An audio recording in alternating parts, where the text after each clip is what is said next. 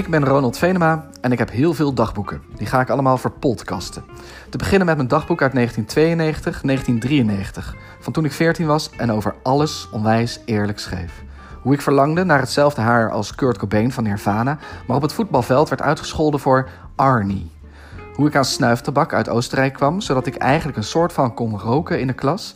En hoe ik, ook al was ik al mijn hele leven klein voor mijn leeftijd, hoopte eindelijk eens een keer te gaan tongen. Dit zijn mijn puberdagboeken. Dit is alles onwijs eerlijk.